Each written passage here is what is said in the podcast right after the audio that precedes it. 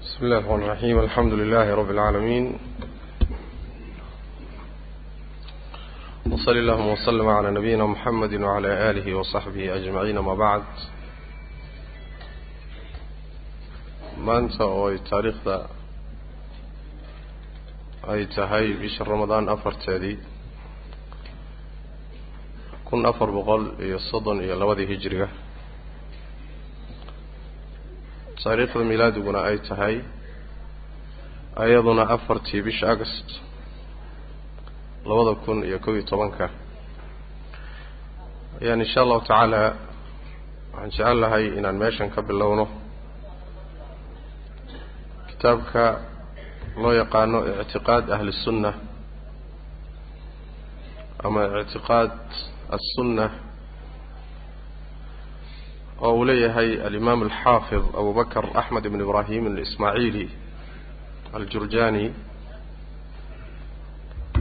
Kitaabkan oo ka mid ah kutubta ay qoreen culimadii sunnada raximahum اllahu jamiica kitaab mukhtasar oo gaaban weeye laakiin macaanidiisu aada u ballaadhan tahay. Masaa-isha uu imaamku meesha ku qoray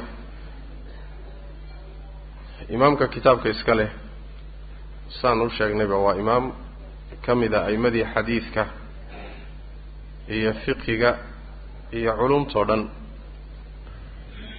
Waxaa la yidhahdaa shaykhu lislaam abu bakr axmed ibn ibrahim ibn ismaaciil ibn cabaas aljurjani alismaaciili. Madhabkiisa fiqiga wuxuu ahaa shaaficiyu lmadhab bal waxaa la yidhaahdaa kana shaykha ashaaficiyati fii zamanihi waktigiisii shaaficiyada isagaa sheekh u ahaa baa la yidhahda madhabkiisa xagga ictiqaadkuna sida kitaabkiisanba uu ku caddaynayo waa madhabkii salafka iyo asxaabu alxadiid oo saxaabadii iyo taabiciintii iyo ardadoodii madhabkii laga dhaxlay wey sidaas daraaddeed ba alxaafid ibnu kathiir caleyh raxmat ullah wuxuu yidhi markuu u tarjamaynayey ama uu ka hadlayay xaafidka iskale kitaabka wuxuu yidhi صanafa faafaada waajaada waaxsana alintiqaada waاlictiqaad kutub buu alifay buuhi wuuna faa'iideeyey wuuna hagaajiyey naqdinta iyo rasdintana waa hagaajiyey ictiqaadkiisiina waa hagaagsanaa buuhi markhaati ma doonto waaye ictiqaadkiisu inuu sidaa ahaa oo kitaabkiisana ku cad. Gadaashiisa a'imadii sunnadee timidna in badan oo ka mid ah ayaa kitaabkiisa cuskaday oo wax ka soo guuriyey. Sida abu cuhmaan ismaaciil bn cabdiraxmaan asaabuni kitaabkiisii caqiidat salaf asxaabi alxadiid oon hadda ka hor akrinay dhowr beelood buu ka soo guuriyey risaaladan hadalla ku yaalla. Oo tabcan ismaaciil baa ka horreeyey. Mualifka kitaabkan iskale ayaa ka horreeyey. Oo mualifkan abubakar ismaaciili taqriiban dhalashadiisa waxay ahayd laba boqol iyo toddobaatan iyo toddobadii hijiriga. Wuxuuna geeriyooday saddex boqol iyo toddobaatan iyo kowgii wuxuu ku tirsan yahay culimada saddexdii qarnihii hore qeyb ka gashay. Qarnigii afraadna ay noloshiisu waxaan dhihi lahaa qarnigii ha afraadna ay noloshiisu u badnayd. Marka wuxuu soo gaadhay rag badan oo a'imadii sunnada ka mid ah. Ayib imaamkaas marka madhabkiisa caqadiguna ama ictiqaadkuna waa sidaa ka fiqhiguna sidaasuu ahaa. Imaam jaliil abuu ahaa. Alxaakim الnaysaburi abu cabdillaahi ibn lbayic wuxuu leeyahay wuxuu ahaa kana waaxida casrihi buuhi wa shaykha almuxadisiina walfuqahaa yani muxadisiinta iyo fuqahadaba sheekoodu ah. Wa ajalahum fi alri'aasati walmuru'ati wasakhaa ninka ugu weyn buu ahaa xagga madaxnimada muru'ada iyo deeqsinimadaba walaa khilaafa bayna alculamaa min alfariiqayni wa cuqalaa'ihim fii abi bakrin culimada iskumay khilaafsana buu ihi labadooda kooxoodba iyo intooda caqliga leh abubakr ismaaciili nin laysku khilaafsan yahay ma aha buu lehy ayib wuxuu dhintay waktiga aan soo sheegnay kutub badanna waa ka tegey iyo khidmo badan oo islaamka u qabtay imaamkaas abubakr ismaaciili oo kutub ilaa dhowr ah oo ugu wen yahay kitaabka caankee loo yaqaano almustakhraj calaa saxiixi albukhaari yacni waxa weeyaan axaadiistii bukhaari buu ku qoray laakiin bukhaari ma marayo. Ee bukhaari wuxuu kula kulmayaa ama sheekhiisa ama sheekha sheekhiisa bay bukhaari isugu imaanayaan. Laakiin bukhaari wuu ka leexanaya. Inta badan fawaa'id aada u fara badanna waa leeyahay kitaabkiisa mukhraj mustakhrajka ah waxaana lagu tiriyaa kutubu sixaax baa lagu tiriyaa. Mustakhraj alismaaciili waa kitaabka ugu caansan kutubtiisa wa waxaa kaloo leeyahay almadkhal ilaa saxiixi albukhaarina wuu leeyahay oo ictiraadaad iyo ajwibo badan leh. Kutub aad u fara badan buu leeyahay oo aan la koobi karaynin oo ay ka mid tahay risaaladani. Ayib risaaladan marka wuxuu u alifay baa la yidhaahdaa oo uu diray magaalo dad degan oo magaalo la yidhahdo jaylaan. Qolo deganayd ayuu u diray. Risaalo kale oo uu u diray baa jira ilaa ahli ljabal sida ibnu rajab uu sheegayo marka ma isku mid baa mise labada risaalo mise way kala duwan yihiin? Ayaa waxay tahay masale ay culimmadu ku kala aragti bedelan yihiin. Imaamka kitaabka iskale marka waa imaamkaas. Kitaabkiisuna waa kitaab mukhtasar ah. Aadna waa looga soo guuriyaa. A'imadii ka dambaysay way ka soo guuriyaan. Sida lalakayi oo kale muxuu ahaayey kitaabkiisa sharxu ictiqaadi ahlisunna waljamaca iyo khatiibu lbaqdaadi iyo abu cuhmaan isaabuni iyo raggii ka dambeeyey aad waxaa uga soo guuriya sidoo kale sheikhulislaam ibnu taymiya caleyh raxmat ullah iyo ibnulqayim culimadii sunnada ka dambaysay badankood risaaladan yarta ah way ictimaadaan wax badan bay ka soo guuriyeen oo ka mid ah ictiqaadkii ahlu sunnaha kitaabku marka magacaasuu leeyahay ictiqaadu lismaaciilina waa la dhahaa.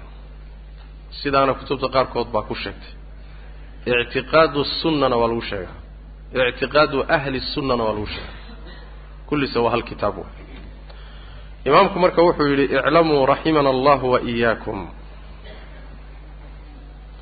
waxaad ogaataan dabcan dadkii uu la hadlayay uu dirahay risaalada ayaa khitaabku ku socdaa iclamuu ogaada raximana allahu allaha noo naxariisto idinka iyo wa iyaakum annagaba eh allah inoo wada naxariistee waxaad ogaataan ana madhaba ahli alxadiid ahlulxadiidka madhabkoodu iyo jidkay mareeni ahlisunnati ahaa waljamaca waxa weeyaan aliqraaru biاllahi wa malaa'ikatihi wa kutubihi wa rusulihi. Waxa uu kitaabka meesha inoogu sheegay muqadimada ama hordhaca wuxuu ku tilmaamay madhabka ama dariiqan uu doonayo inuu qeexo waa kii ay mareen ahlulxadiidka isla iyagaas ahlulxadiidka oo haddana ahlusunna waljamaaca ah. Labadaa magac ahlusunna waljamaaca iyo ahlulxadiid ama asxaabu alxadiid iyo salaf waa macaani isku mid ah. Waa magacyo hal qolo la yidhaahdo waa qolada la yidhaahdana waa qoladii saxaabadii iyo taabiciintii iyo quruuntii nebigu ammaanay sal alla alay wasalam dadkii kitaabka alle iyo sunnada nebiga raacsanaa qolyahaasaa magaca iska leh. Magacyadaasina kulli waa asmaa mutaraadif ah min xaysu aliطlaaq oo fii'a mucayana lagu itlaaqayo. Macaani ahaan way kala beddelan yihiin laakiin hal qolay magac u yihiin hal qolay magac u yihiin ahlulxadiid ama asxaabu alxadiid waxaa loogu magacaabay liannahum yatabicuuna alxadiid wa yuqadimuuna alxadiida calaa gayrihi sunnada nebigay raacaan oo xadiidkay raacaan oo xadiidkaa kala horreeya wax kasta ayib dabcan xadiidku qur'aankuu raacsan yahay qur'aankii iyo xadiidku waa labada masdar marka sidaas daraaddeed baa ahlulxadiid loogu bixi waxaa khilaafsan ahlu nadarka ama ahlura'yiga oo iyagu meesha qoladani xadiidka iyo asarka ay iyagu hormariyaan ayaga waxaa u horreeya nadarka iyo caqliga. Waxaa loo yaqaano yani almuqtadayaat alcaqliya marka taasaa iyaga u saas daraaddeed bay kaga bedelan yihiin asxaabuulxadiid ama ahlulxadiid loo yidhaaha ahlusunnana waa la mid lianna asunna hiya ariiqa sunnadu waa dariiq waxaana laga wadaa dariiqii nebiga sal alla alay slam waxaa loogu magacaabay ahlu sunna liannahum yatabicuuna asunna ama kelimada jamaaca waxaa laga wadaa alijtimaac cala asunna yani sumuu ahla asunna liannahum yatabicuuna asunna wa sumuu ahla jamaaca liannahum yajtamicuuna cala asunna walaa yaftariquuna fiiha. Dariiqaas sunnada ee nabiga laga dhaxlay sal alay slam bay ku midoobaan oo isma ma kala tagaan isma khilaafaan. Aljamaaca waxaa ka soo horjeeda alfurqa. Saas daraaddeed baa qolyaha dariiqaa garab maray baa waxaa loo yaqaanaa ahlu alahwaa waalfiraq yacni dadkaas kooxaha iyo firaqa noqday ee dariiqaa khilaafay. Manhaj ahaan iyo dariiq ahaan iyo madhab ahaan kuwaasa ahlulfiraq la yidhaha qoladanna waxaa la yidhaahdaa jamaaca liannahum yajtamicuun cala itibaaci sunna magacyadaasi in la yidhahdo ahlulxadiid iyo in la yidhahdo ahlusunna waljamaca iyo in la yidhahdo asalaf yacni asmaadaas ma jirin waktigii saxaabada ridwan ullahi calayhim leanna ummaddu dariiqa unbay haysay sida haalibka ah markay soo baxeen kooxo fara badan iyo firqooyin magacyo kala bedelan sita. Diintiina si khaldan uga turjumahaya ayay culimmada sunnadu waxay ka maarmi waayeen in ay dadkii jidkii nebiga hayay ee weli baaqiga ku ah iyo dadka ku socda iyaga raacsan inay magac ku itlaaqaan. Si ay uga soocaan qolyaha kale. Asmaadani marka dib bay ka imaanaysaa. Waxaa ugu qadiimsan taqriiban ahlu sunna in la yidhaahdo ahlu sunna oo la yidhaahdo waxaa itlaaqay cabdillahi bni cabbaas. Iyadoo jamaaca la socotana waa laga sheegaa laakiin waxaa kaloo itlaaqay isagana alimaam moxamed ibnu siriin taabicigii jaliilka ahaa. Asxaabu alxadiid iyo jamaaca iyo axaadiista waa laga fahmayaa laakiin itlaaqoodu waa dambeeyey. Itlaaqooda in lagu magacaabo dib buu ka imaanaya macnaha waxaad ogaataan ana madhaba ahli اlxadiidi ahli الsunnati waاljamacati ahaa meeshaa waxaynu fahmaynaa marka adiga oo aan raacsanayn sunnadii nebiga sal lla alay slam qur-aanka kariimka ah yacni haddii aada magaca la baxdo oo ahlusunna aada la baxdo wax badan kugu kordhin mayso waxaad tahay uun laabis thawbay zuur laba maro oo been a nin xidhan baa tahay magacu magaca quruxsan uu yahay. Muxuu ahaayey waxa aad magacu uu magaca quruxsan yahay laakiin adiga lafahaantaadu aadan ku soconin. Magacii wuxuu ku tusayay. Marka waxaad noqonaysaa nin beenaala saas way macanaha masalan adiga oo dagaal ooga ah baa waxaad la baxday nabadoon nabadoon baad la baxday soo beenaalo ma tiid beenaalaad tahay nabadoon ma tiina dagaal oogaata ninka sunnadii khilaafsan oo qur'aankii khilaafsan oo ictiqaadkiisu khilaafsan yahay oo madhabkiisu khilaafsan yahay oo dhaqankiisu khilaafsan yahay haddana ahlusunna waljamaaca la baxay. Waa uu ninkaasoo kale waay. Waa dagaal ooga uu nabadoon la baxay waay. Marka wax badan u kordhin maayo waxa uun lagu siri karaa dadka aan garanaynin iyo jahalada iyo dadka iska caamada ah baa magaca lagu siri karaa.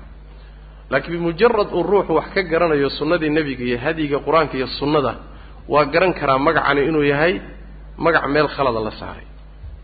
Saas daraaddeed ashaaciradu inay ahlu sunno dhahaan waa khalad. Maaturiidiyada in ahlu sunno isku itlaaqaan waa khalad.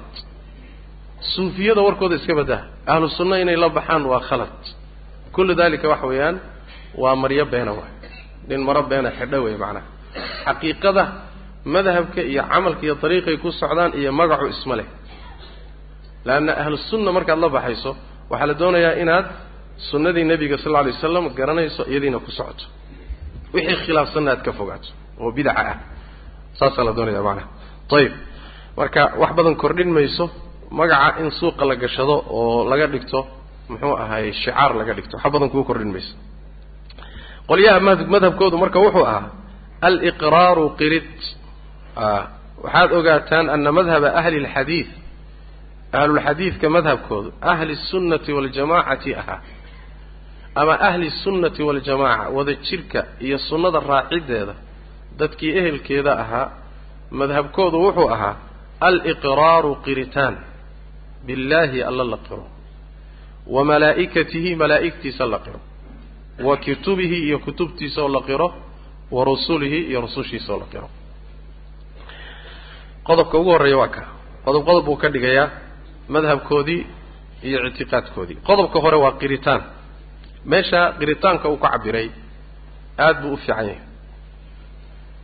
Meesha ay culimada qaarkood ka cabireen tasdiiqa ka cabireen tasdiiqa ay ka cabireen ayagoo ka dhigaya tasdiiqu inuu yahay bimacna aliimaan.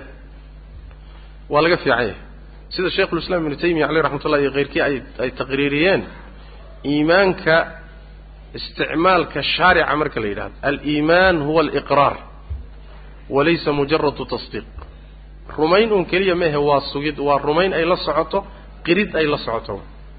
Marka aliqraar in lagu fasiro iimaanka ayaa wuxuu yahay macnaha saxda waana kelimada uu isticmaalay imaamku isticmaalay wey waana runtii tacbiir aada u fiican way in la qiro weeye billaahi alla la qiro. Alla oo la qiro waxay ka dhigan tahay macnaheedu alla jiritaankiisaoo la qiro laislama diidin. Ilaa daduun iska madax adaygay oo macaanidiina mooye. Allah tabaaraka wa tacaala oo la qiro rububiyadiisa lahaanshihiisa kownka maamulka uu kownkan maamulayo gacan ku haynta ku tasarufka irsaaqidda allah tabaaraka wa tacaala kownkan iyo afcaashiisa oo la rumeeyo. In la rumeeyo kadalika ilaahay tabaaraka wa tacaala aliimaanu aw aliqraaru biasmaa'ihi wa sifaatihi. Sidaynu maan doontaa in ilaahay magacyadiisa iyo sifaatkiisa iyo tilmaamihiisa aada u qirtood u ogolaato.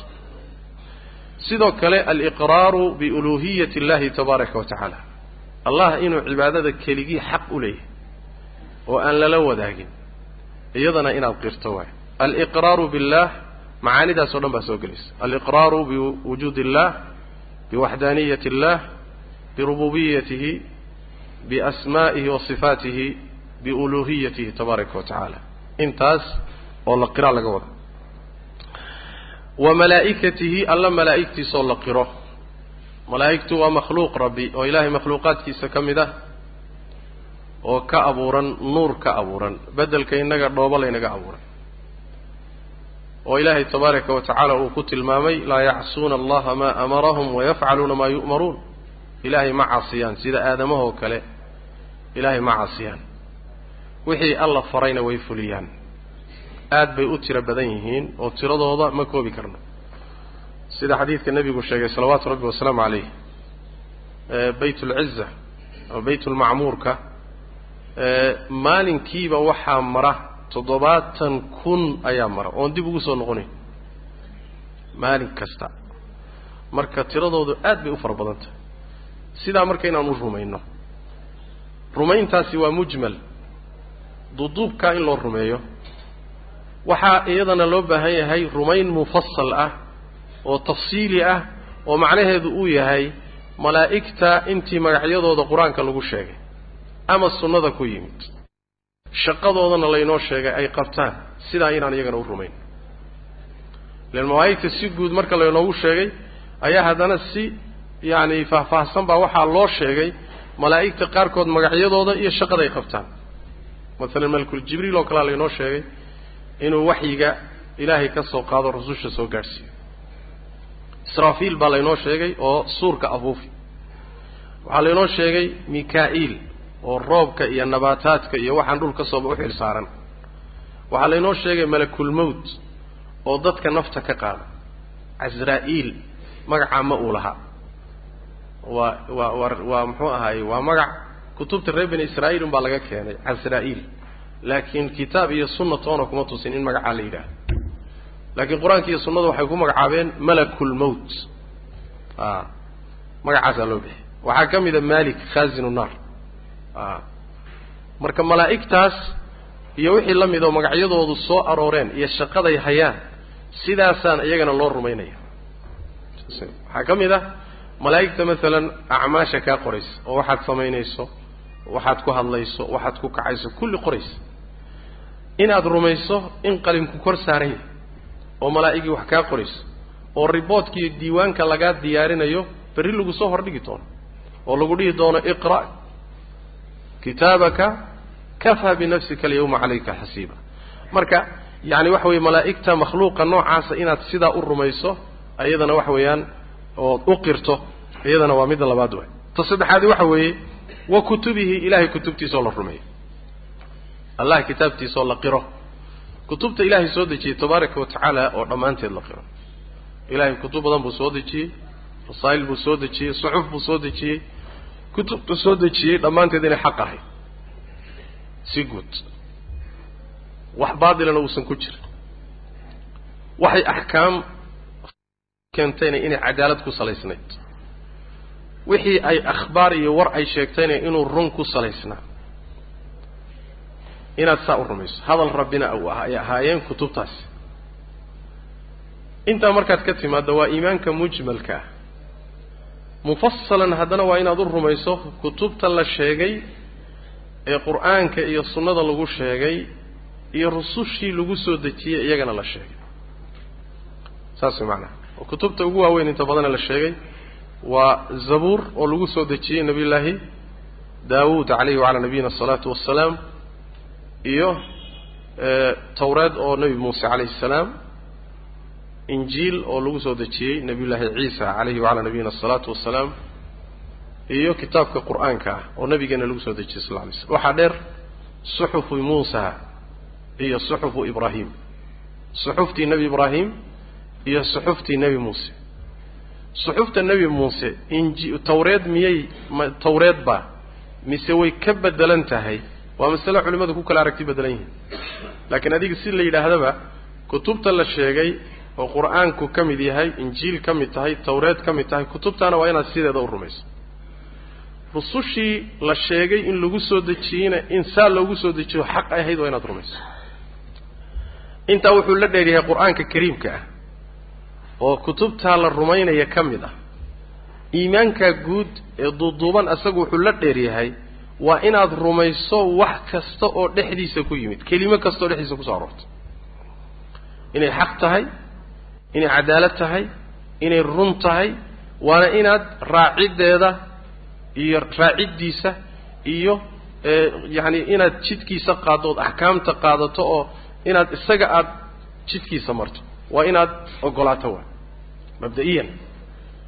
Waa inaad ogoshahay isagu inuu ku maamulo isaga inaad ku dhaqanto isaga inaad ka amar qaadato isaga inaad xukunto a isagu inuu addoommada iyo noloshooda maslaxa u yahay. Isaga inuu yahay midka dadka dariiqa saxdaa ku hanuuninaya. Wixii isaga khilaafsan inuu baatil yahay. Kitaabka qur'aanka marka taasuu siyaado la oo waa kitaabkii loo soo dejiyey innagana laynoogu talagalay inaan raacno. Oo aynu rumayno dhaqanna aan ka dhigano sidoo kale rususha rabbi tabaaraka wa tacaala iyagana rumayntooda wa rusulihi.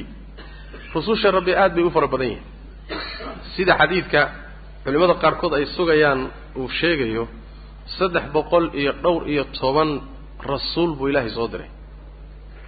Tiradii saxaabadii ka dagaal gashay dagaalki yacani beder tiradoodii iyo rususha tiradoodaa isla eg. Yacani dhowr iyo toban taqriiban saddex boqol iyo dhowr iyo toban rasuul waayo amaa nebiyadu way ka badan yihiin. Nebiyadu iyagu waxay gaadhayaan boqol iyo labaatan iyo afar kun oo nebi buu ilahay soo diray. Xadiidkaasi sheekh albani iyo keyrkii way sugayaan oo waa xadiis sugan bay leeyihiin. Rususha tiradooda iyo ambiyada rususha sheegaya tiradooda sheegaya macana duuduubkaa marka qaar baa rasuulkeenna loo sheegay qaarna looma sheeginba minhum man qasasna calayka wa minhum man lam naqsus calayka soo maya qaar baan kuu sheegnay qisooyinkooda qaarna laguma sheegin waayo. Marka kulli laakiin inay ilaahay soo diray allah tabaaraka wa tacaala xaggooda xaggiisa ay ka socdaan waxay la yimaadeen uu xaq yahay inayna been sheegin. Yacni wahaa kada sifaadkii rususha inaad u rumayso haddana rususha magacyadooda la sheegay oo qur'aanka iyo sunnada lagu sheegay inay iyaga si gooniya loo rumeeyo rususha rabbi tabaaraka wa tacaala inaan la kala qaadin. Laa nufariqu bayna axadin min rusulihi. Dhammaan waa inaad wada rumayso. Hal rasuul ood ku kufrido macnaheedu waxa weeyaan rusushii oo dhan waad ku kufriday saas daraaddeed baa qur'aanku qowm ka mida dadkii ama mujtamacaadkii rususha loo soo diray marka laga hadlayo waxaa la leeyahay caadun lmursaliin kadaba hamuudu lmursaliin a kuwii la soo diray bay beeniyeen. Baana u yimid. Sababtu waxa weye halkii rasuul ee u yimid hadday beeniyeen intii kalena waa beeniyeen bani israa'iil khaasatan yahuudda iyo nasaarada iyo wixii ka horreeyey nebi ciise way rumaysan yihiin. Nebi ciisey ku kala tegayaan nebi ciisadiisa yahuuddu ma ogola. Nasaarada iyo yahuudda wada socdana risaalada nebigeenna ma ogola salawaatu rabbi wasalaamu caleyh sidaas daraaddeed baa waxay ka mid tahay kufriga iyo gaalnimada qodobada gaalnimaday ku sugan yihiin kuwa ugu waaweyn bay ka mid tahay sida suurat nisa allah ku tilmaamay tabaaraka wa tacala marka rususha dhammaantood in la rumeeyo oo dhammaantood waxay la yimaadeenna la rumeeyo kuwii si gooniya loo magacaabayna magacooda iyo muhimaadkay qabteen iyo qowmkooda iyo qisadii dhex martay waxaaso dhan tafaasiishaas in la rumeeyo way macnaha ayib marka mabaadi'dan uu meesha ku sheegay sheekh aliqraaru billahi wa malaa'ikatihi wa kutubihi wa rusulihi. Mabaadi'daa uu meesha ku sheegay waa mabaadi liimaan waa usuul liimaan xadiidkii jibriil xadiidkii ee jibriil uu nebiga u yimi sal lla lay slam ayuuna ku sugan yahay uu dhihi jiray akhbirnii can aliimaan ee nebigu dhihi jiray aliimaanu biاllahi wa malaa'ikatihi wa kutubihi wa rusulihi walyawmi alaakhir wa bilqadari khayrihi wa sharihi lixdii arkaanuliimaanka ahaa labaa ka maqan. Soo ma? Dib buu ka tilmaami doonaa labadaa oo ah maalinta aakharoo la rumeeyo iyo qadarka oo la rumeeyo. Wuu soo wadaa masaa-isha iyada macnaha waxaa kaloo madhabkooda ka mida wa qabuulu maa nataqa baa ka mida. Qabuulu maa shay aqbalidiisa. Nataqa uu ku hadlay bihi isaga kitaabullahi uu ku hadlay tacaala ku rahay. Kitaab alle wixii uu ku hadlay inay aqbalaan ayaa ka mida madhabka ahlulxadiidka ahlusunna waljamaca iyo wamaa ad ay asaxday. Bihi isaga alriwaayatu warintu can rasuuli illaahi laga wariyey sal lla lay slam ama can rasuuli illahi ay kaga sala allahu alayhi waalihi wasalam waxaa kaloo ka mida madhabkooda inay aqbalaan wixii kitaabku ku hadlay. Qur'aanka kariimka ah wixii ku soo arooray inay aqbalaan. Hadduu khabar yahay oo war iyo qiso uu qur'aanku sheegay uu yahay dhacdo horay u dhacday ama wax soo socdo uu ka warramay hadduu yahay inuu run yahay oo dhab yahay bay rumaynayaan. Saasay ku aqbalayaan. Waxa qur'aanka ku yimid hadduu axkaam yahay amar iyo nahyi sidaa yeela oo sidaa hayeelina oo sidaa fala oo saa iska ilaaliya amar iyo nahyi iyo axkaam hadduu yahayna way qaadanayaan oo waa aqbalayaan. Sidaasay marka wixii qur'aanku ku hadlay oo dhan u wada qaadanaya wax ma radiyaan. Leanna wax qur'aanka ka midoo la radiyo oo qur'aanka ku cad oo la diidaayo waa gaalnimo. Saas macanaa iyo sidoo kaleeta wixii iyo warintu ku asaxday rasuulka laga wariyey. Daas kitaabka markuu ka hadlayey muusan kala qaadin oo muusan dhihin maa saxa ee wuxuu ka cabiray maa nataqa bihi alkitaab. Leanna wax kastoo qur'aanka ku yimaada waa saxiix. Naqli mutawaatiruu ku sugan yahay layskuma khilaafsana yacani waxa weye umana baahna ma sugan yahay mise ma sugna in laga hadlo. Laakiin wixii nebiga laga wariyey salawaatu rabbi wasalaamu caleyh oo kutubta ku taalla oo rasuulka laga sheegay ayaa laba u kala baxaya. Wixii nebiga laga sheegay wax sugan oo markii la dabagalo oo la raad raaco oo xididkiisa la raaco sax noqonayo nebiga ka sugnaanaya salawaatu rabbi wasalaamu caleyh qaybtaa waa qaybta loo yaqaano xadiid saxiixa ama xadiid xasan ah. Qaybta kale waa qayb kutubta ku qoran nebigana loo tiiriyo laakiin markii la dabagalo aan nebiga ka sugnayn nin beenaalaha ku jira maalan meesha warkan laga soo qaado laga soo qaado dhexda ku jira. Maalan nin aan lagu kalsoonayn baa meesha ku jira. Maalan nin ismoosiis badan baa meesha ku jira. Warkaasi war nebiga ka sugan maaha salawatu rabbi wasalaamu caleyh wixii marka nebiga loo tiiriyo kutubta ku taalla ama culimmada qaarkood u tiiriyeen oon ka sugnayn oo nebiga aan ka asixin salawaatu rabbi wasalaamu calayhi kaa isaga a waxba laga qaadan maayo. Saas way macanaa waxay diinta lagu dhiso oo wax laga qaato waa wixii sugnaaday.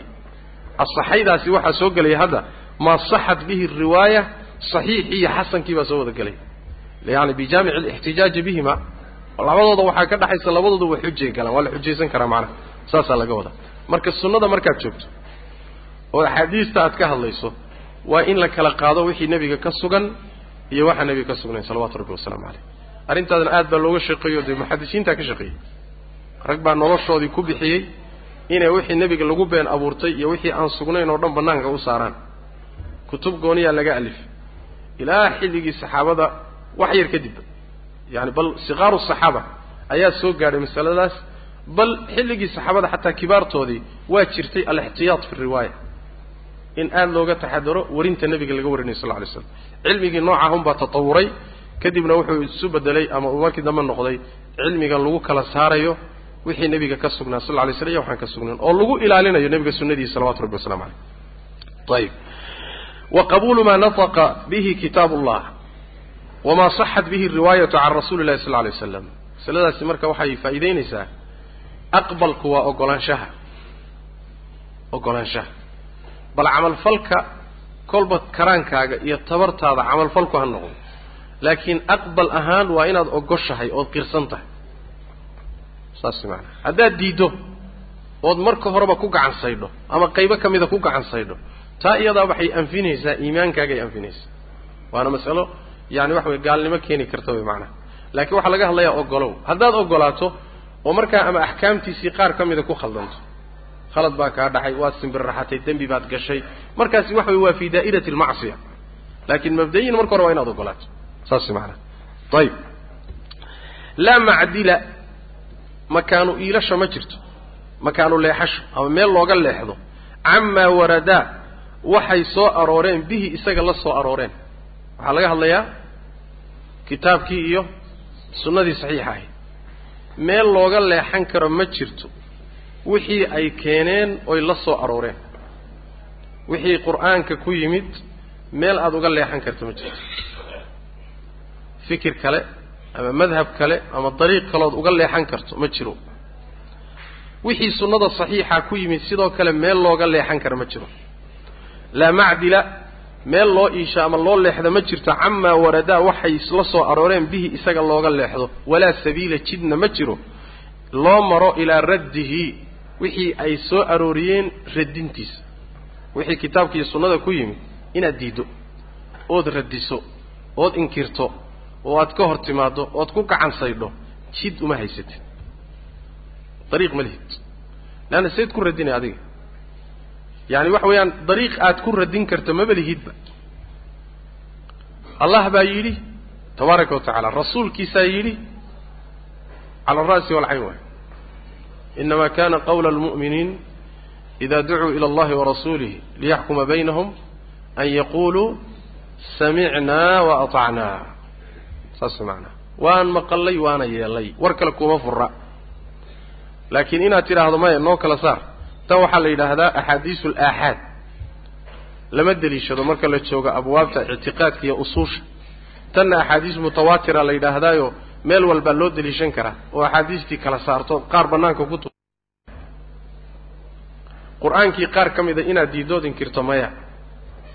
Qaado duduub u qaado. Jid aad ku radin karta ma lihid walaa sabiila jid ma jiro ilaa raddihi celintiisa ama radintiisa la radiyo maagaasi qur'aanka iyo sunnadu ay keeneen. Id cilladu waxa waaye. Maxayna u radin karin? Maxaan looga leexan karin? Cilladu waxa weeye kaanuu waxay ahaayeen. Ahlulxadiidka iyo ahlu sunnuhu waxay ahaayeen ma'muuriina kuwa la amray biitibaaci alkitaabi waasunna sunnada oo dariiqii nebiga iyo kitaabka raaciddiisa kuwa la amray bay ahaayeen. Ayib ayagoo lagu amray kitaabka iyo sunnada raaca miyaad heli kartaa jid aad ku radiso maya. Meli jid aad ku radid meli. Adigoo lagu amray raac haddana meelaad uga leexata ma heli kartid. Cilladu waa sax. Cid cilladu waxa weeye kaanuu waxay ahaayeen ma'muuriina kuwa la amray biitibaaci alkitaabi waasunna sunnada iyo kitaabka raacidooda ayaa la amray. Xaggey ku taallaa qur'aanka? Atiicu allaha wa atiicu arasuul allah ateeca waa kitaabkii wa atiicu rasuulana waa sunnada qaata waa marka waxay amran yihiin kitaabka iyo sunnada inay raacaan. Ayib madmuunan bay ahaadeen. Ahlulxadiidka iyo ahlu sunnuhu kuwa loo damaanay. Lahum iyaga alhudaa hanuun baa loo damaanay. Fiihimaa kitaabka iyo sunnada dhexdooda. Kitaabka iyo sunnada dhexdooda waxay damaanada haystaan intay ku sugan yihiin oy qaad ay raacayaan damaanad waxaa la siiyey inay hanuunayaan. A ilahay damaanadaasuu siiyey. Oo dee yani ina hada alqur'aana yahdii lilatii hiya aqwam. A qur'aankani dadka wuxuu ku hanuunayaa dariiqa ugu toosan. Damaanad wuxuu haystaa. Ruuxa qur'aanka iyo sunnada raacay damaanad rabbi buu haystaa garantii waay damaanad buu haystaa in uusan lumaynin oo dariiqa saxda haysanayo faman itabaca hudaaya falaa yadilu walaa yashqaa faman itabaca hudaaya labada waxaa soo gelaya qur'aanka iyo iyo sunnada labadaa ruuxii raaca falaa yadilu ma lumayo walaa yashqaa ma dhuurdaraysanayo ma ma yacani naar ma mudanayo naarna geli maayo dariiqa saxdana ka lumi maayo marka waa damaanad waay damaanad rabbi uu bixiye weeye inta ay labadaa haystaan inay hanuunsanaanayaan. Mashhuudan bay ahaayeen kuwo looga markhaati kacayo loo qiray lahum iyaga waxaa loo qiray bianna nebiyahum nebigoodu yahdii inuu hanuuninayo khalqiga ilaa siraatin jid xaggii inuu ku hanuuninayo mustaqiimin oo toosan. Waxaa kaloo loo qiray oo looga markhaati kacay oo rabbigood u qiray nebigooda ay raacsan yihiin waa nebi moxamed sal lla alay slam inuu dadka ku hanuuninayo dariiqa toosan ee aan hadhiya habeenba ilaahay weydiisanayno ihdina asiraata almustaqiim soo ma? A masalada ugu weyne ilaahayna baray waa ilaahu jidka toosan nagu hanuuni. Waa jidkee waa jidkii nebi moxamed sal lla alay slam waa jidkii qur'aanka iyo sunnada. Saas way macnaha waa ariiqu alcilmi walcamal alcilm annaafic walcamal asaalix dariiqa way macnaha marka waxaa loo qiray oo looga markhaati kaca nebigoodu inuu dariiqa ku hanuuninayo.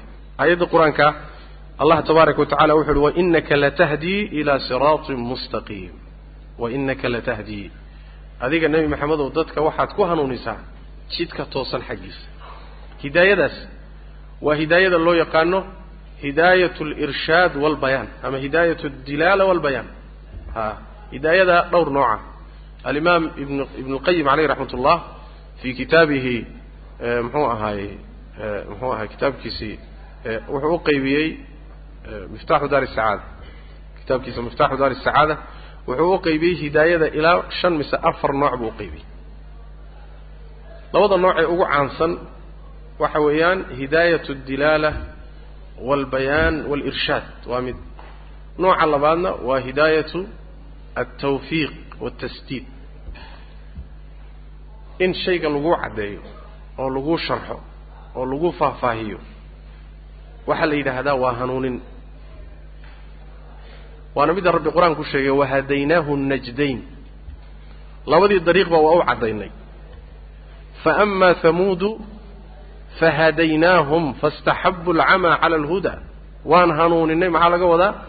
Yani xaqii baan u caddaynay wa haddii xaqa laguu caddeeyey waa lagu hanuuniyey. Taasi waa nooc ka mid a hanuuninta. Noocaas waxaa qabta allah tabaaraka wa tacaala rusushiisa culimada cid kastoo wax garanaysa hidaayada noocaasa way leedahay. Hidaayada nooceeda labaad waa hidaayatu tawfiiq. Shaygii markaad fahamtoo laguu caddeeyo kadib samayntiisa in lagu waafajiyo in laguu sahlo. Taasi ilaahay bay khaas ku tahay. Cid samayn karta walaa rasuul walaa sheekh walaa malag cid aan alla ahayn oo hidaayatu tawfiiq bixin karta ma jirto. Waana midda nabigeenna laga anfiyey loo diiday salawaatu rabbi wasalaamu caleyh ee la yidhi innaka laa tahdii man axbabta ma hanuunin kartid cidda aad jeceshahay hanuunkeeda.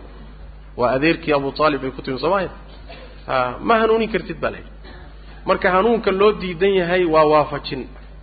Dabcan nebigu adeerkii waa u tegey xaqana waa u sharxay waa u caddeeyey. Hidaayada nooceedii bayaanka ahayd ee nebigu uu lahaa ee uu samayn karay wuu sameeyey. Laakiin inuu sameeyo oo abu daalib uu qaato oo uu rumeeyo oo uu raaco hawl nebiga u taalla maaha. Soo ma?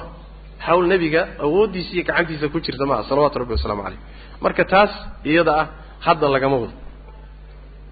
Yani marka la leeyahay mashhuudan lahum biana nabiyahum yahdii ilaa siraatin mustaqiim waxaa laga wadaa bimacnaa hidaayada uu nebigu samaynayo oo ah caddayn inuu dadka xaqa u caddeeyo ariiqa saxdaana uu tuso wey macnaha ayib muxadariina bay ahaadeen ilahay hadda waxay ku xidhan tahay ma'muuriintaasay ku xidhan tahay ma'muuriina madmuunan mashhuudan muxadariina kulli halkaasay ku wada xidhan tahay macnaha muxadariina bay ahaadeen kuwo looga digay fii mukhaalafatihi nebiga khilaafidiisa darteed alfitnata baa looga digay waalcadaaba iyo cadaabkii alaliima ee xanuunka badnaa baa looga digay ahlu sunnaha iyo jamaacada asxaabulxadiidka waxay ahaadeen dad looga digay nebiga khilaafidiisa inay fitno ku dhici karaan cadaabna uu ku imaan karay wuxuu tilmaamayaa aayaddii ku jirtay fii suurati nuur aakhirkeeda ee alla yidhi tabaaraka wa tacaala falyaxdar aladiina yukhaalifuuna can amrihi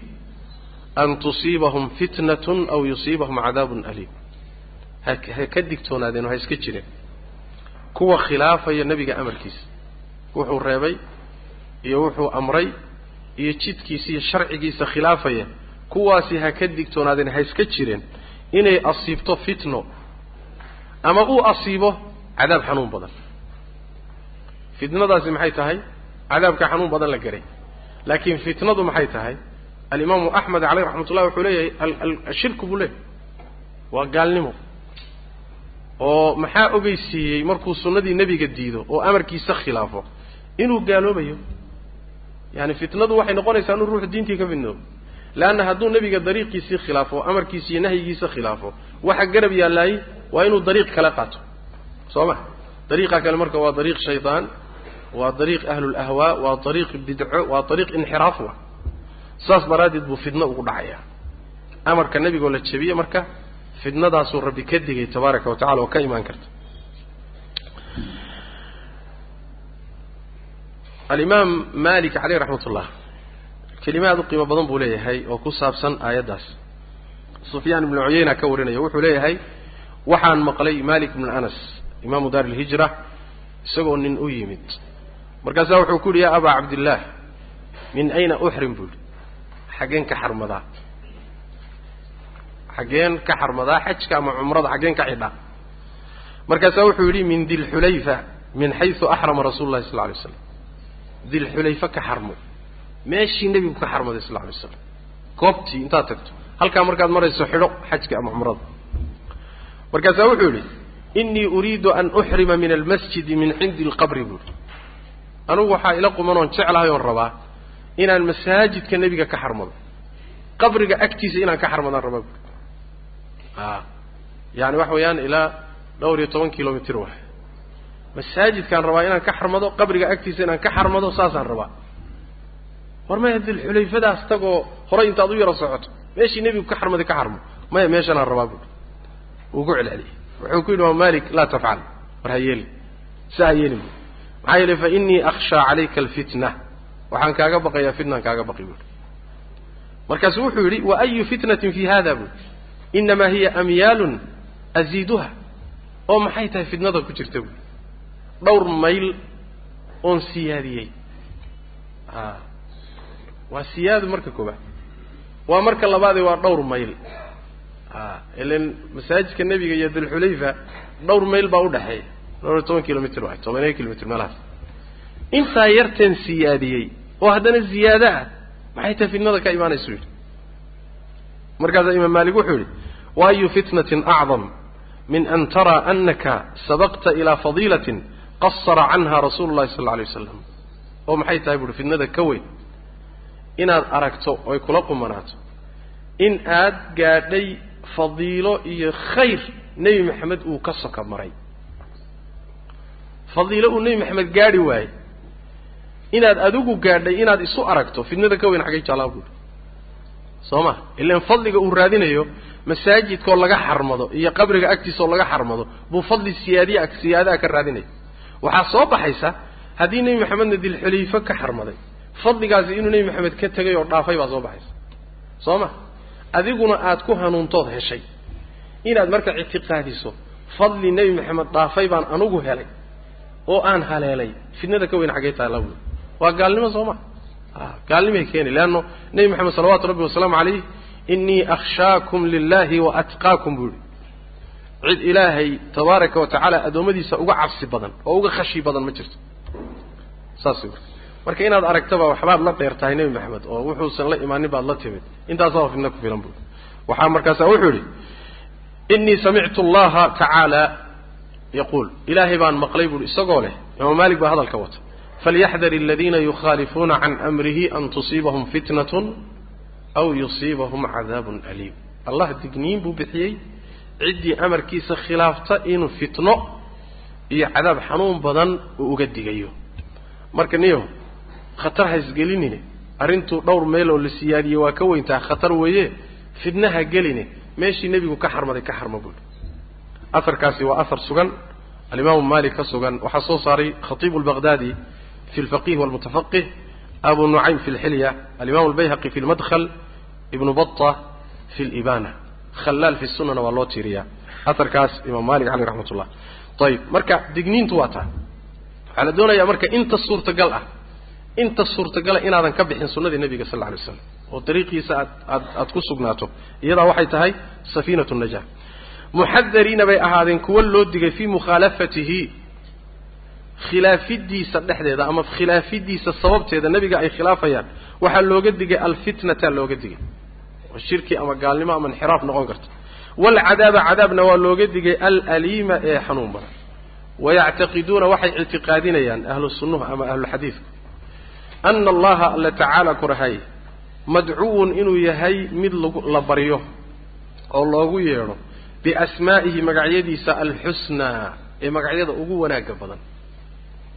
Mawsuufun inuu yahay mid la tilmaamay oo la sifeeyey bisifa bisifaatihi sifaatkiisa mid lagu tilmaamay allatii sifaatkaasoo samaa uu magacaabay. Ama allatii asmaadaasoo samaa uu magacaabay. Oo wasafa uu sifeeyey biha iyada nafsahu naftiisa uu ku sifeeyey isagaa isku sifeeyey. Oo wasafa uu ku sifeeyey biha iyada nebiyuhu nebigiisuna uu ku sifeeyey salawatu rabbi wasalamu caleyh meeshan markiiba wuxuu ka gudagalay in uu tilmaamo asal ka mid a usuusha ay ku kala tageen ahlu sunnaha ama ahlulxadiidka iyo kooxaha kale. Asalkaasi waa asalka la yidhaahdo alasmaa waasifaat ilaahay magacyadiisa iyo tilmaamihiisa iyo sifaatka uu leeyahay. Waa asal weyn oo ka mida usuusha madhabkii ahlu sunnaha iyadu galay. Lianna khilaafka iyada ka dhacay mas'aladaa ka dhacay ayaa wuxuu yahay khilaafka ugu caansan ama kuwa ugu caansan ka mida khilaafaadka dhex maray ahlu sunnaha iyo mukhaalifiintooda lagu kala tegay oo aada loogu kala dhintay oo yacani ahlulfuraqa ay kaga fogaadeen kitaabkiiyo sunnada. Waxaa ka mid a masalada. Waxay ictiqaadsan yihiin marka ahlu sunnuhu alla inuu leeyahay magacyo loogu yeedho oo lagu baryo. Sida qur'aankaba rabbi ku tilmaamay walilahi alasmaa'u alxusnaa fadcuuhu biha ilaahay wuxuu leeyahay magacyaha kuwa ugu wanaagsan magacyo lasam lala baxo kuwa ugu wanaagsan allah leh ee magacyadiisa alla ku barya tabaaraka wa tacaala. Fadcuuhu biha ku barya. Yacni ku tawasula waay. Tawasulka mashruuca wey inaad allah tabaaraka wa tacaala magacyadiisa ku gaadho ujeeddadaad alla ka leelada oo tidhaahdo yaa raxmaan irxamnii allaha raxmaankae magacaad lahu ii naxariiso yaa kafuur ikfir lii. A saasaad leedahay marka asmaadii rabbi baad ku baryaysaa dantaadaadna ku gaadhaysaa. Waa tawasulka mashruuca wa. Wuxuu ku tilmaamay ilaahay asmaadiisa inay tahay midda ugu fiican magacyaha jira. Xusniga asmaadu wuxuu ka imaanayaa lianna kulla ismin yatadaman sifa wa sifaat اllahi tabaaraka wa tacaala kulluhaa kulluhaa culya. Magacu wuxuu xambaarsan yahay sifo. Ma jiro magac alle oon sifo xambaarsanayn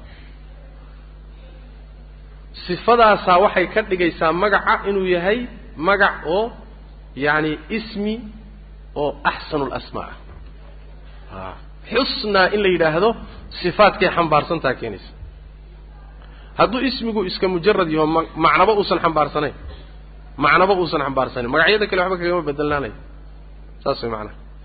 Yacni magac aan macno xambaarsanayn yani waxa weye geed iyo qansax iyo qurac haddaad la bahdo shay waaxid wax macno weyn oo uu xambaarsan yahay ma jiro. Laakiin magacu wuxuu macno ku yeeshaa oo uu macnaha magacyada kale kaga fiican yahay sifada iyo macnaha uu xambaarsan yahay. Saas daraaddeed sifo kasta waxay xambaarsan tahay. Waxaan ujeeda magac kasta sif uu xambaarsan yahay. Masalan alraxmaan wuxuu wataa sifatu araxma alcaziiz waa magaca magacaasi wuxuu wataa sifatu alciza alcaliim waa magac. Wuxuu wataa sifatu alcilmi wahaakada a allah oo lafduljalaalaha ah wuxuu xambaarsan yahay sifatu aluluhiya oo inuu cibaadada isaga keligii leeyahay waana akhasu lasmaa waay ilaahay magacyadiisa magaca ugu khaasan waay saas daraaddeed ba qur'aanka kariimka uusan ku soo aroorin sida uu tilmaamayo sheekh moxamed ibnu saalixin alcuthaymiin caleyh raxmat ullah magacaasi allah ah qur'aanka kuma soo aroorin aroorin isagoo magacyada raacsan laakiin wuxuu yimid isagoo la raacsan yahay allahuma hal meel oo qur'aanka ka mida mooyo waa xaggee suuratu ibraahim bilowgeeda. Ya. Allahi aladi lahu ma fi الsamaawaat asmaa ka horraysay buu raacsan yahay halkaa meel waa laakiin meel kaloo qur'aanka ka mida kuma soo aroorin isaga oo taabica. Laakiin wuxuu soo arooray isagoo matbuuca. Saas daraaddeed baa waxay leeyihiin waa aslu lasmaa ayib marka ilaahay tabaaraka wa tacaala asmaadiisa dhammaanteed sifaadkaasay xambaarsan tahay waxaa kaloo rabbigeen ku tilmaaman yahay sifaad uu isagu isku tilmaamay nebigiisuna ku tilmaamay. Halkaasi wuxuu inoo sheegayaa sifaadka waa kuwaan hadda sheegaynay qaar ka mid a. Wuu imaan doonaa wuu faahfaahin doonaa qaybahooda kala gedisan yani sifaadka sifaatu lafcaalka sifaatu daatka wuu faahfaahin doonaa. Laakiin meeshan wuxuu inoo sheegay oo mas'ale muhima ah allah tabaaraka wa tacaala iyo asmaadiisa laba masder baa laga qaataa. Waa labadee masder. Ya. Qur'aanka iyo iyo sunnada. Xaggee hadalkaas kaga jira. Wuxuu yidhi wasafa biha nafsahu fi lqur'aani alkariim waay soo ma? Wa wasafahu biha nabiyuhu fi sunnati haabita waay. Sidaas daraaddeed meeshaa waxaynu kala baxaynaa qaacidada caanka ah ee culimmadu sunnadu isku waafaqsan yihiin ee dhahaysa sifaat ullah wa asmaa'uhu tawqiifiya. A yacni waxa uun lagu gaabsanayaa wixii qur'aanka iyo sunnada ku soo arooray bas. Bimacnaa ilaahay baan magac u sugayaa ijtihaad ahaan oo anaa magac u doorahaya maya sidaas daraaddeed baa culimmadu waxay diideen. Magaca alqadiim. Alqadiim. Kutubta qaarkood buu ku yimid bal kutubta sunnada qaar ka mid ah ku itlaaqay. Laakiin alqadiim laguma hayaa la yidhi isagoo ilaahay lagu itlaaqo lagu magacaabay laa fi lkitaab walaa fi sunna. Saas daraaddeed ilaahay qadiim lama yidhaha soo ma? Bedelka qadiim alwal baa soo aroortay. Soo ma? Huwa alwalu waalaakhir saas way macana marka ilaahay asmaadiisa waa in maqalka lagu gaabiyo wixii soo arooray alla magac looga dhigo wixii aan soo aroorin magac uma ah sifaadkiisi sidoo kale waxa lagu sifayn karo ama sifatu ficli ha noqoto ama sifatu daat waxa lagu sifayn karo waa sifo qur'aanku sheegay ama sunnadu sheegtay laakiin annaga kuma ijtihaadi karno jeebkeennana kalama imaan karno asmaa iyo sifaat aan ilahay usugayno tabaaraka wa tacala leanna baabku waa baab tawqiifiya baabku waa baab tawqiifiya. Qur'aanka iyo sunnada un baa laga qaadan. Ayib sifaadka rabbina tabaaraka wa tacaala sidaas weeye iyagana. Asmaada rabbi tabaaraka wa tacaala marka way fara badan tahay wax la koobi kara maaha bal waxaa jira ilaahay asmaadiisa iyo magacyadiisa qaar ka mid a oo uusan khalqigaba waxba uga sheegin. Isaga keligii uu garanayo xadiidkii baa kutusaya ducadii caanka ahayd. As'aluka allahuma bikuli ismin huwa lak. Samayta bihi nafsak. Aw anzaltahu fi kitaabik. Aw callamtahu axada min khalqika. Aw ista'harta bihi fi cilmi اlgaybi cindak kuwa uu ilaahay khaas leeyahay baa jiro cilmulgaybka asaga uu gooni ku leeyahay. Uusan cidna u sheegin qaar ka midana addoommadiisa u sheegay waxaa nebiga ka sugan sal alay slam inuu yidhi ina lilahi tiscatan wa tisciina sman ilahay wuxuu leeyahy sagaal iyo sagaashan magac. Fi saxiixayn iyo keyrkeed buu ku yimid xadiidku ciddii koobta jannaday gelaysa. Sagaal iyo sagaashankaa magac. Qur'aanka iyo sunnada un baa laga dhex raadin mooye? Iyaga oo tirsan oo isdaba yaalla ma soo aroorin sida saxiixa. Ah riwaayaa keentay tirmidi iyo keyrkii ay wariyeen oo magacyada tirisay oo inta badan magacyadan masaaxiifta qaar ka mid a kutubta qur'aanka qaar ka mid a bejka ugu dambeeya miyaa mise ka hore? Soomaalida magacyada ku tirsan. A magacyadaa riwaayada keentay waay. Riwaayadaasi ziyaadadaa magacyada tirinaysaay waa ziyaado daciifa waay. Sida saxdee xadiidku sax ku yahay waa in lagu gaabiyo sagaal iyo sagaashan magac. Amaa sheeg iyo tirinta qur'aanka iyo sunnada in laga dhex raadiyo mooye tirintaasi ma sugna. Marka allah asmaadiisa wax la koobi kara maha way fara badan tahay tabaaraka wa tacaala. Innagana faa'iidada inaan allana u sugno kuna barino waay ayib allah sifaadkii asmaadiisa. Ahlu sunna saasay u qabaan in iyagana la sugo sifaadka ay xambaarsan tahayna la sugo. Sidaa loo rumeeyo sifaadkiisana sidaa loo rumeeyo faahfaahin dheeraaduu keeni doonaa in sha allahu tacala khalaqa wuu abuuray alla tabaaraka wa tacaala aadama aadam buu abuuray biyadihi. Baabu alasmaa wasifaat ahlu sunnaha waxaa ku khilaafsan oo dariiqooda garab maray kooxa fara badan. Oo ka mid yihiin nimanka la yidhaahdo jahmiyada